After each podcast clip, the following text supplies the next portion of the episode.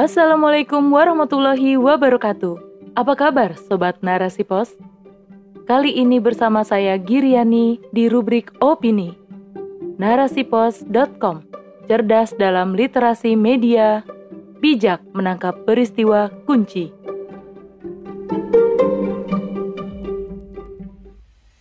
Amerika Serikat darurat COVID lagi. Herd immunity bukan solusi jitu atasi pandemi. Oleh Dwi Indah Lestari, STP. Amerika Serikat kembali mengalami darurat COVID-19. Dilansir dari CNBC-Indonesia.com, Amerika Serikat berada pada kondisi yang semakin mengkhawatirkan akibat ledakan kasus COVID-19 yang terjadi lagi. Dikabarkan bahwa peningkatan kasus infeksi mencapai 1000% dibandingkan dengan bulan Juni lalu jumlah kasus rata-rata hariannya menyentuh angka 141 ribu kasus. Adanya pelonggaran selama liburan musim panas ditenggarai menjadi penyebab terjadinya hal ini. Padahal, Amerika Serikat adalah salah satu negara dengan capaian vaksinasi tercepat. Dilaporkan oleh Reuters, pada Sabtu 21 Agustus, pengendalian dan pencegahan penyakit Amerika Serikat telah mendistribusikan lebih dari 428 juta dosis vaksin Moderna dan Pfizer BioNTech, serta vaksin sekali pakai Johnson Johnson. Sebanyak 200 juta lebih orang telah menerima setidaknya satu dosis dan lebih dari 170 juta orang lainnya telah menerima dosis lengkap. Fakta ini tentu mengejutkan banyak orang. Amerika Serikat sebagai negara adidaya dengan seluruh kemampuan dan sumber daya yang dimilikinya ternyata juga tak berdaya melawan hantaman pandemi COVID-19. Progres vaksinasi yang sedemikian cepatnya ternyata tak menjamin Amerika Serikat dapat melepaskan diri dari wabah ini. Hal ini membuktikan bahwa strategi penanganan global terhadap pandemi ini telah mengalami kegagalan.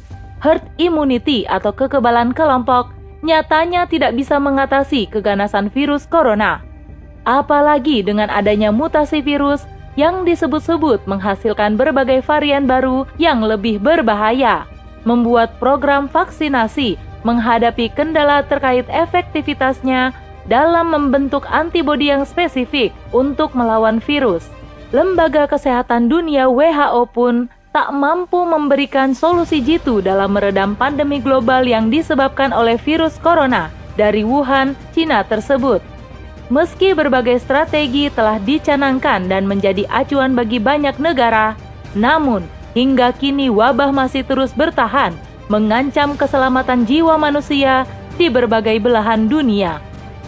Sejatinya, herd immunity memang bukan solusi jitu untuk memberantas wabah. Vaksinasi juga bukanlah langkah ajaib yang bisa menyelesaikan pandemi. Vaksinasi memang menjadi salah satu cara untuk membantu tubuh menciptakan sistem imun dalam menghadapi serangan virus. Namun, bukan berarti setelah divaksin seseorang tidak mungkin terpapar penyakit. Berbagai penyakit menular sebelumnya seperti cacar air juga membutuhkan waktu bertahun-tahun hingga bisa hilang dari permukaan bumi meskipun sudah ditemukan vaksinnya. Jadi, strategi kekebalan kelompok ini membutuhkan waktu lama hingga mampu memusnahkan wabah sehingga mengandalkan vaksin saja tentu sebuah strategi yang sia-sia. Seharusnya negara tidak boleh berhenti melakukan upaya lain meski vaksinasi telah gencar dijalankan. Seiring dengan tercapainya kekebalan tubuh individual dan kelompok melalui vaksinasi, negara harus menjalankan strategi berikutnya yang terarah dan terukur dengan cepat dan tegas agar wabah bisa segera dihilangkan. Sayangnya, hal ini tidak ditemukan dalam strategi di negara mana pun. Bahkan, upaya yang tampak dominan di berbagai negara lebih condong pada penyelamatan ekonomi dibandingkan jiwa manusia. Sebagian besar pemimpin negara-negara di dunia lebih mengkhawatirkan kondisi ekonominya yang terpuruk daripada segera menghentikan laju penularan virus. Inilah fakta kepemimpinan kapitalistik dari negara-negara pengusung kapitalisme yang telah gagal menjawab tantangan penanggulangan pandemi global COVID-19 secara tuntas. Sistem ini terbukti tak mampu memberikan solusi manusiawi dan tidak ampuh dalam menyelesaikan wabah. Untuk itu, dunia ini butuh kepemimpinan sistem lainnya. Telah banyak kajian bahwa Islam adalah sebuah sistem kehidupan yang menyeluruh dan sempurna. Kebenaran dari Islam dapat terlihat dari asas yang menjadi pondasi dibangunnya sistem tersebut, yaitu akidah Islam. Akidah ini menjamin berbagai peraturan yang terpancar darinya akan memberikan solusi bagi seluruh persoalan manusia sesuai dengan fitrahnya dan memberikan ketenangan hidup. Berkaitan dengan pandemi, sistem Islam telah jelas memberikan panduan bagaimana mengatasinya.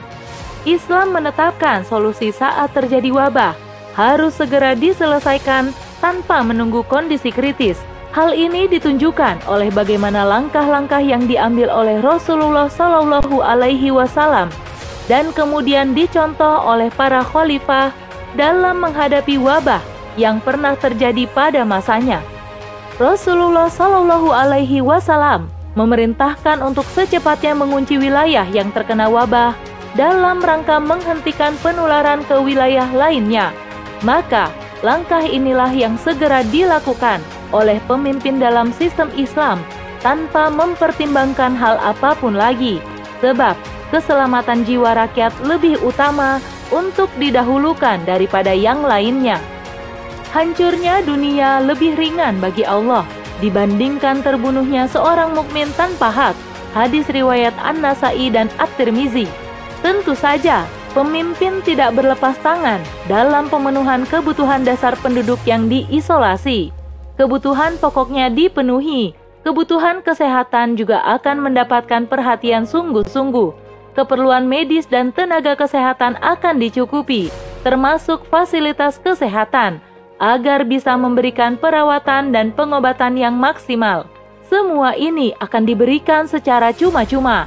Pasien juga akan mendapatkan obat-obatan, vitamin, dan suplemen yang bisa memperkuat daya tahan tubuhnya sehingga mampu melawan infeksi yang disebabkan oleh penyakit. Dengan begitu, harapannya tingkat kematian bisa diminimalisasi. Wilayah lain yang tidak terkena wabah akan diperkuat penjagaannya agar penularan tidak terjadi. Bahkan, wilayah tersebut bisa menjadi penopang bagi wilayah yang terpapar wabah penyakit. Berbagai penelitian akan digencarkan untuk bisa segera menemukan obat atau vaksin semua itu dibiayai oleh negara.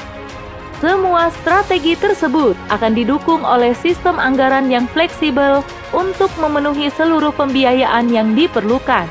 Begitu juga, sistem birokrasi dan administrasi akan dibuat sederhana dan cepat agar memudahkan berjalannya program penanganan wabah. Sebab birokrasi yang panjang dan berbelit-belit justru membuat kondisi rakyat semakin buruk pemimpin dalam Islam juga tidak akan berhenti menasihati umat agar meningkatkan keimanannya, melakukan taubatan nasuha, dan berdoa agar wabah segera diangkat oleh Allah Subhanahu wa Ta'ala. Tak lupa, pemimpin juga mengingatkan agar kaum Muslimin saling tolong-menolong dan menunjukkan kepedulian terhadap saudaranya. Dengan begitu, tidak akan dijumpai pasien yang sampai tidak terurus. Demikianlah sosok kepemimpinan dalam Islam. Pemimpin semacam ini hanya lahir dari sistem Islam yang mulia. Pemimpin yang memegang amanah kepemimpinannya dengan sungguh-sungguh karena dorongan ketakwaannya kepada Allah Subhanahu wa taala. Dunia kini membutuhkan kepemimpinan semacam ini. Wallahu alam bisawab.